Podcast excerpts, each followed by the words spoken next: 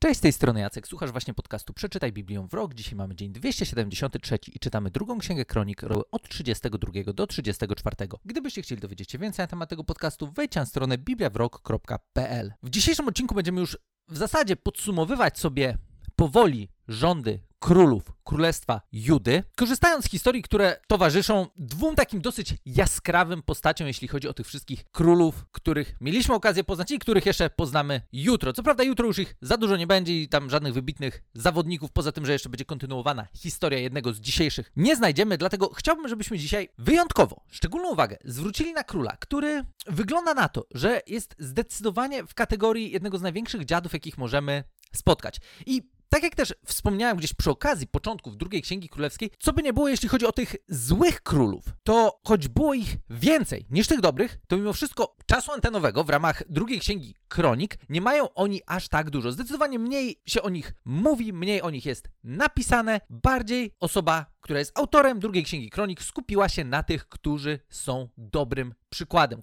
z których życia możemy dosyć łatwo coś pozytywnego wyciągnąć. I tak dzisiaj mamy dwóch zawodników, ojciec i syn, nic nowego, którzy w sumie ku niemałemu może naszemu i zaskoczeniu, no naprawdę wielkimi dziadami. Znaczy, zaskoczeni raczej nie powinniśmy być, bo mieliśmy okazję się z nimi spotkać przy okazji drugiej księgi królewskiej, Niemniej jednak, jak spojrzymy sobie na króla, którym dzisiaj zaczynamy w zasadzie naszą lekturę, a jest to król, o którym rozmawialiśmy wczoraj, mianowicie Hiskiasz, to zaskoczeniem dla nas w jakiś sposób może być też to, że po Hiskiaszu władcą jest jego syn, który jest w kategorii absolutnie najgorszych władców, jeśli chodzi o Królestwo Judy, podczas gdy jego ojciec był naprawdę jednym z najlepszych. I możemy sobie pomyśleć, no bez sensu. W ogóle, dlaczego tak się dzieje? Dlaczego jest tak, że ojciec dał taki dobry przykład, a syn poszedł kompletnie, kompletnie inną drogą? I powiem tak, nie wiem dlaczego, nie bardzo wiem, co stało za historią Manasesa w taki sposób, żeby można było jednoznacznie ocenić, dlaczego on poszedł tak skrajnie inną drogą niż jego ojciec, który był bardzo porządnym królem, mianowicie Hiskiarz. Niemniej jednak lekcja dla nas może być bardzo ważna, bo czasami, szczególnie wydaje mi się, żyjąc w Polsce, mamy takie poczucie, że no urodziłem się tam w rodzinie takiej tam w miarę, w miarę wierzącej, no to, to spoko. To nawet, nawet jeżeli, często jest tak, że nawet jeżeli mamy takie poczucie, że no dobra, ta wiara mnie za bardzo nie interesuje i tak dalej, może nawet nie wiem, czy jest Bóg, czy nie ma Boga, to gdzieś z tyłu głowy jest takie poczucie, ostatecznie jakbym się pomylił, to w sumie to wychowałem się w takiej rodzinie. Może mi to jakoś pomoże. Może to będzie dla mnie jakimś tam bonusem, gdyby się okazało, że w jakiś sposób się myliłem. No i teraz, ważne jest to, że z historii Manasesa widzimy bardzo wyraźnie, że każdy z nas decyduje o swojej własnej drodze. I to, w jakiej rodzinie się wychowaliśmy, może być dla nas bardzo fajnym bonusem, może nie być. Nie zmienia to jednak tego, że ostatecznie my sami podejmujemy decyzje za swoje życie. Podejmujemy decyzje odnośnie drogi, którą będziemy szli i to, czy nasi rodzice byli fajni, czy nie, absolutnie nie ma tutaj nic do rzeczy. Mogło to być dla nas fajnym bonusem, mogło tym bonusem w ogóle nie być, mogło być wręcz utrudnieniem. Niemniej jednak bez względu na to, w jakiej sytuacji się wychowaliśmy, każdy z nas odpowiada za swoje własne decyzje. Nie jesteśmy w stanie budować swojego życia na wierze kogoś innego. Nasza wiara to nasza odpowiedzialność. I tak samo niewiara w tym przypadku to też jest nasza odpowiedzialność i przykładem tego chociażby jest Manases, o którym wyjątkowo chciałem na początku przeczytać nie z drugiej księgi kronik, a właśnie z drugiej księgi królewskiej i przeczytam taki dosyć obszerny fragment, bo on w dużej mierze pokrywa się nam z tym, co mamy właśnie w drugiej księdze kronik. Tam jakoś drobiazgami, może inaczej jest to opisane do pewnego momentu. Niemniej jednak chciałbym, żebyśmy sobie przypomnieli, kim takim Manases był właśnie tym razem korzystając z drugiej księgi królewskiej, ale później jeszcze sięgniemy do drugiej księgi kronik. Nie martwcie się wcale. Niemniej jednak, jeżeli jakkolwiek o Manasesie coś kojarzycie, coś pamiętacie, to może być właśnie tak, że to jest przykład totalnie zniszczonego, totalnie przysiągniętego złem króla, o którym czytamy właśnie w drugiej księdze królewskiej. W 21 rozdziale, gdzie jest napisane: Manases miał 12 lat, kiedy został królem, a panował w Jerozolimie 55 lat. Jego matka miała na imię Hefsiba. I teraz jedna rzecz tylko szybko ode mnie. Ja przy Uzjaszu wspomniałem, że on był najdłużej panującym królem. Nie, nie był. Najdłużej był właśnie Manases. Uzjasz był najdłużej panującym dobrym królem. To tylko tak dla uściślenia. Tutaj mamy gościa, który 55 lat był władcą. I dalej czytamy, że czynił on to, co złe w oczach Pana, obrzydliwym sposobem narodów, które Pan wypędził przed Izraelitami. Na nowo pobudował świątynki, które poburzył jego ojciec Hiskiarz, stawiał ołtarze Baalowi i sporządził Aszerę, podobnie jak Ahab, król Izraela, bił też pokłony i oddawał cześć całemu zastępowi nieba i pobudował ołtarze w świątyni Pana, o której Pan powiedział, w Jerozolimie złożą moje imię. Manases wzniósł tam na obu dziedzinięcia dziedzińcach świątyni Pana, ołtarze dla całego zastępu nieba. Ponadto przeprowadził przez ogień swojego syna, uprawiał czary, wróżył, ustanowił tych, którzy radzili się przodków albo duchów osób już zmarłych i mnożył czyny złe w oczach Pana, drażniąc go w ten sposób. Umieścił też podobniznę Aszery w tej świątyni, o której Pan oznajmi Dawidowi i jego synowi Salomonowi. W tym domu i w Jerozolimie, w tych miejscach, które wybrałem spośród wszystkich plemion Izraela, złożę na wieki moje imię. I nie dopuszczę, aby stopa Izraela tułała się poza ziemią, którą dałem ich ojcom. Jeśli tylko dopilnują, by postępować zgodnie ze wszystkim, co im przykazałem, zgodnie z całym prawem, które nadał im mój sługa Mojżesz. Oni jednak nie posłuchali, a Manases zwiódł ich tak, że postępowali gorzej niż narody, które Pan przed nimi wytępił. Wówczas za pośrednictwem swoich sług, proroków, przemówił tym słowy, ponieważ Manases, król Judy, dopuścił się tych obrzydliwości, postępował we wszystkim gorzej niż Amoryci, którzy byli przed nim i przez swe plugawe bożyszcza doprowadził do grzechów również Judę. Dlatego właśnie tak mówi Pan, Bóg Izraela, oto ja sprowadzę na Jerozolimę i na Judę takie nieszczęście, że każdemu, kto o nim usłyszy, zadzwoni w obu uszach. Rozciągnę nad Jerozolimą mierniczy sznur Samarii i poziomicę rodu Ahaba i wytrę Jerozolimę, jak się wyciera misę, a potem odwraca się do góry dnem. W ten sposób odrzucę resztę mojego dziedzictwa, wydam ich na pastwę wrogów, staną się ich łupem i zdobyczą, dlatego, że czynili to, co złe w moich oczach i drażnili mnie od dnia, w którym ich ojcowie wyszli z Egiptu, aż do dnia dzisiejszego. Poza grzechem, przez który Manases uwikłał Judę w czynienie tego, co złe w oczach Pana, przelał on również bardzo wiele niewinnej krwi także wypełnił nią Jerozolimę po brzegi. Pozostałe sprawy Manasesa. Wszystkie jego dokonania, łącznie z grzechem, którego się dopuścił, zostały opisane w zwoju dziejów królów Judy. Gdy Manases spoczął ze swoimi ojcami, został pochowany w ogrodzie Uzy przy swoim pałacu, a władzę po nim objął jego syn Amon. Taką relację na temat Manasesa czytamy w drugiej księdze królewskiej i widzimy, że był to gość, który mógłby zasługiwać na naprawdę ogromne potępienie, bo jeżeli można było coś zrobić źle, to Manases był specjalistą w tym, żeby zrobić coś źle. Naprawdę był gość, który miał za uszami tyle, że no powiedziałbym prawie, że był najgorszy, ale tu oka okaże się jeszcze, że jednego zawodnika będziemy mieli, który no zdecydowanie podjął wyzwanie, które niejako Manases rzucił swoim podłym postępowaniem. Ale tak jak tutaj widzimy, to jest gość, który naprawdę, czytam tę historię w drugiej księdze królewskiej i myślimy sobie, no nie, no to, to już jest w ogóle, po co w ogóle o tym chłopie gadać? Przecież tyle zła, tej historii z przyprowadzaniem syna przez ogień, o czym rozmawialiśmy niedawno, że to, co mogło, ręki nie dam, że tak było, bo są wciąż dyskusje na ten temat, ale co mogło spokojnie oznaczać to, że składał swoje dzieci w ofierze. Nawet jeśli to by nie było kwestią, to wciąż w wersecie 16 przeczytaliśmy, że przelał on bardzo dużo niewinnej krwi, czyli miał krew na swoich rękach i to nie była krew z wojen, jak to wtedy było w zwyczajach, znaczy taką też mógł mieć, ale tutaj tutaj o tym nie czytamy. Czytamy o tym, że to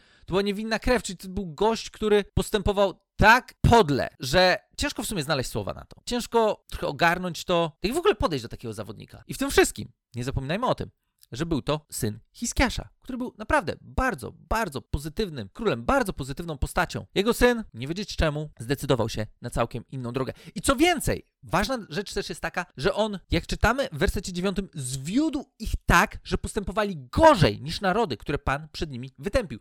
On był tym, który dał przykład. Był, zdecydowanie był liderem. Był naprawdę świetnym liderem i dawał przykład. Tylko, że dawał przykład taki, który stawia go w kategorii najgorszych liderów, jacy mogą w ogóle być dawał przykład, ludzie poszli za tym przykładem. Z jakiegoś powodu poszli za tym przykładem. Często tak chętnie nie chodzili za przykładem dobrych królów, bo być może pamiętacie historię królów, którzy się dawali dobry przykład, a jednak ludzie i tak żyli po swojemu. Tutaj mamy gościa, który dawał okropny przykład i ludzie za nim poszli. Taki był Manases w relacji drugiej księgi królewskiej. Co też, żeby było jasne, nie mówię, że w drugiej księdze kronik jakkolwiek ta sytuacja bardzo się zmienia. Niemniej jednak, kiedy widzimy takiego gościa, to mniej lub bardziej świadomie wysłalibyśmy go w największe otchłanie piekła. Po prostu ten chłop nie zasługuje na nic absolutnie dobrego. No bo Zresztą, jak możesz narobić tyle zła i oczekiwać tego, że w jakikolwiek sposób, kiedykolwiek, w tym życiu czy w kolejnym, będziesz potraktowany z jakąkolwiek łaską, z jakimś miłosierdziem? Niemniej jednak. Jest bardzo ciekawa historia, kiedy czytamy drugą księgę kronik, bo ogólnie rzecz biorąc, ten opis nam się dosyć mocno pokrywa. Z tym, że no ja tu przeczytałem na temat Manasesa, 18 wersetów, pierwsze 9 wersetów drugiej księgi kronik 33 rozdziału mniej więcej powtarza nam tę historię, ale patrzcie, co jest napisane dalej, od wersetu 10, gdzie jeszcze ten zazębi nam się ta końcówka i pokryje, ale patrzcie, Pan przemawiał do Manasesa i do swojego ludu, lecz oni nie zwracali na to uwagi. Ważna rzecz, Pan przemawiał do nich. Co zresztą też czytaliśmy o tym, że Bóg przemawiał do Manasesa w jakiś sposób w drugiej księdze królewskiej. Niemniej jednak tutaj to już był tekst na zasadzie, dobra, słuchajcie, takie będą konsekwencje waszego postępowania. Tutaj jednak mamy takie pewne uzupełnienie, że Pan do nich przemawiał, bo chciał, żeby się odwrócili od swoich złych dróg, bo chciał, żeby weszli na jego drogę, na dobrą drogę. Pan przemawiał do Manasesa i do swojego ludu, lecz oni nie zwracali na to uwagi. I żeby w końcu zwrócili uwagę na Boga, od wersetu 11 czytamy, co takiego się dzieje. Wówczas Pan sprowadził na nich dowódców wojsk króla Asyrii. Ci schwytali Manasesa hakami z kuli, dwoma brązowymi łańcuchami i kazali mu iść do Babilonu. Jeżeli Bóg mówi do nas w sposób spokojny i nie chcemy słuchać, to są też sposoby, w których w końcu coś usłyszymy. I tak było właśnie w przypadku Manasesa. On w końcu coś zrozumiał, bo czytamy dalej od wersetu 12, że kiedy Manases znalazł się w niedoli, zwrócił się w błaganiach do Pana, swojego Boga, okazał głęboką skruchę przed Bogiem swoich ojców i modlił się do Niego. I Bóg dał mu się uprosić, wysłuchał jego błagań, pozwolił mu wrócić do Jerozolimy, do swojego królestwa. Wtedy Manases przekonał się, że tylko Pan jest Bogiem. Po powrocie Manases zbudował zewnętrzny mur miasta Dawida na zachód od Gichonu w dolinie, aż po wejście do bramy rybnej. Murem tym, który bardzo podwyższył otoczył Ofel, ustanowił też dowódców wojskowych we wszystkich warownych miastach. Następnie Manases usunął obcych bogów oraz posąg ze świątyni Pana. Usunął też wszystkie ołtarze, które pobudował na górze świątynnej i w Jerozolimie.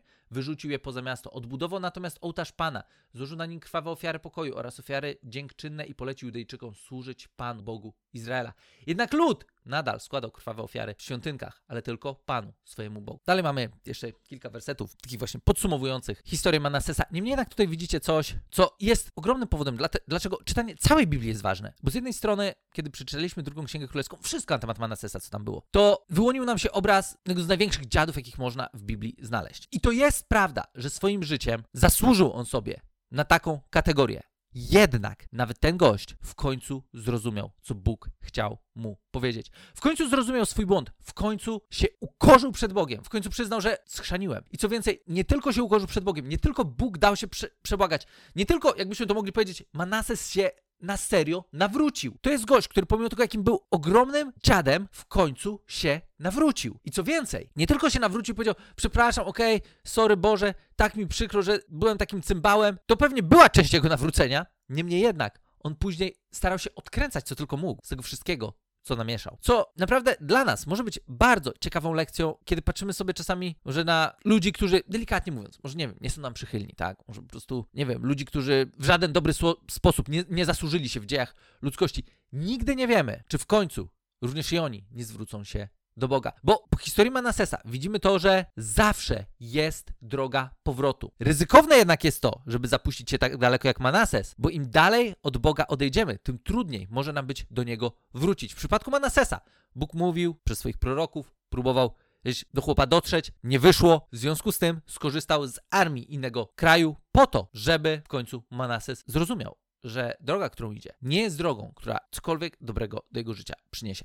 I Manases w końcu zrozumiał. Zawsze jest szansa na powrót. I historia Manasesa jest tego fenomenalnym przykładem. Takim przykładem, jak w sumie niewiele mamy takich przykładów w Biblii. Dlatego też cieszy to, że druga księga kronik, już powoli ją kończąc, dostarcza nam taką wiadomość na temat króla, który do tego czasu w naszej głowie mógł jedynie kojarzyć się z ogromnym złem. Dla mnie jednak Manases jest gościem, który kojarzy się z naprawdę spektakularnym nawróceniem. Nawróceniem gościa, na którym wszyscy prawdopodobnie stawialiby krzyżyk i nie liczyli na to, że jeszcze cokolwiek dobrego z tego chłopa będzie, a jednak zawsze jest szansa na nowy start. Dalej, idąc rozdziałami, które mamy dzisiaj, już nie będziemy za dużo na ich temat mówić, Poza tym, że pojawia nam się jeszcze postać Amona, który był synem Manasesa i co tu dużo mówić, był jeszcze gorszy niż ojciec. W tej części, w której ojciec rzeczywiście był postacią bardzo, bardzo negatywną. Czynimy, że czytamy w wersecie 22 tego samego 33 rozdziału, że czynił on to, co złe w oczach Pana, podobnie jak jego ojciec Manases. I tam kawałek dalej jest jeszcze napisane, że nie ukorzył się przed Panem, tak jak to uczynił jego ojciec Manases. Przeciwnie, Amon nawet pomnożył swoje przewinienia. Więc gość podjął wyzwanie ojca i był jeszcze gorszym królem niż jego ojciec w najgorszym swoim momencie. I zaraz po tym, co też ciekawe, czytamy o królu, który z kolei jest takim mistrzem świata królów. On jest królem, z którym w zasadzie no, nie ma zbyt wielu, których obok niego można postawić. I to jest król Jozjasz. Nie będziemy o nim dzisiaj rozmawiać już za dużo, bo rozmawialiśmy dosyć szeroko na temat króla Jozjasza w odcinku 117, kiedy to właśnie czytaliśmy relację na temat jego życia z drugiej księgi królewskiej z 22 rozdziału. Dlatego zachęcam Was do tego, żebyście sięgnęli sobie po ten odcinek, jeżeli nie pamiętacie, kim był Jozesz. Bo tak jak powiedziałem, to był taki trochę mistrz świata wśród królów Judy. Naprawdę, mistrzowski król. Mistrzowski król, który, co ciekawe, będąc tylko w tym klimacie Manasesa Amona był właśnie potomkiem takich dziadów. Znaczy, okej, Manases się w końcu nawrócił, więc jakiś tam dobry przykład od dziadka miał. Amon, jego ojciec, o matko. A jednak Jozjasz wyznaczył całkiem nowe standardy tego, co to znaczy być dobrym królem i naprawdę, naprawdę zachęcam was do tego. Sięgnijcie do odcinka 117. Jeżeli samo imię Jozjasz jeszcze wam się z niczym nie kojarzy, to koniecznie wróćcie do tego odcinka, nawet jeżeli go już słuchaliście. Tyle z mojej strony na dzisiaj. W zasadzie to już jest prawie końcówka drugiej Księgi Królewskiej, jutro ją sobie w pewien sposób podsumujemy, a w międzyczasie, gdybyście mieli dodatkowe pytania, wejdźcie na stronę bibliawrok.pl bądź możecie do mnie napisać na adres jacekmałpabibliawrok.pl i do usłyszenia w kolejnym odcinku.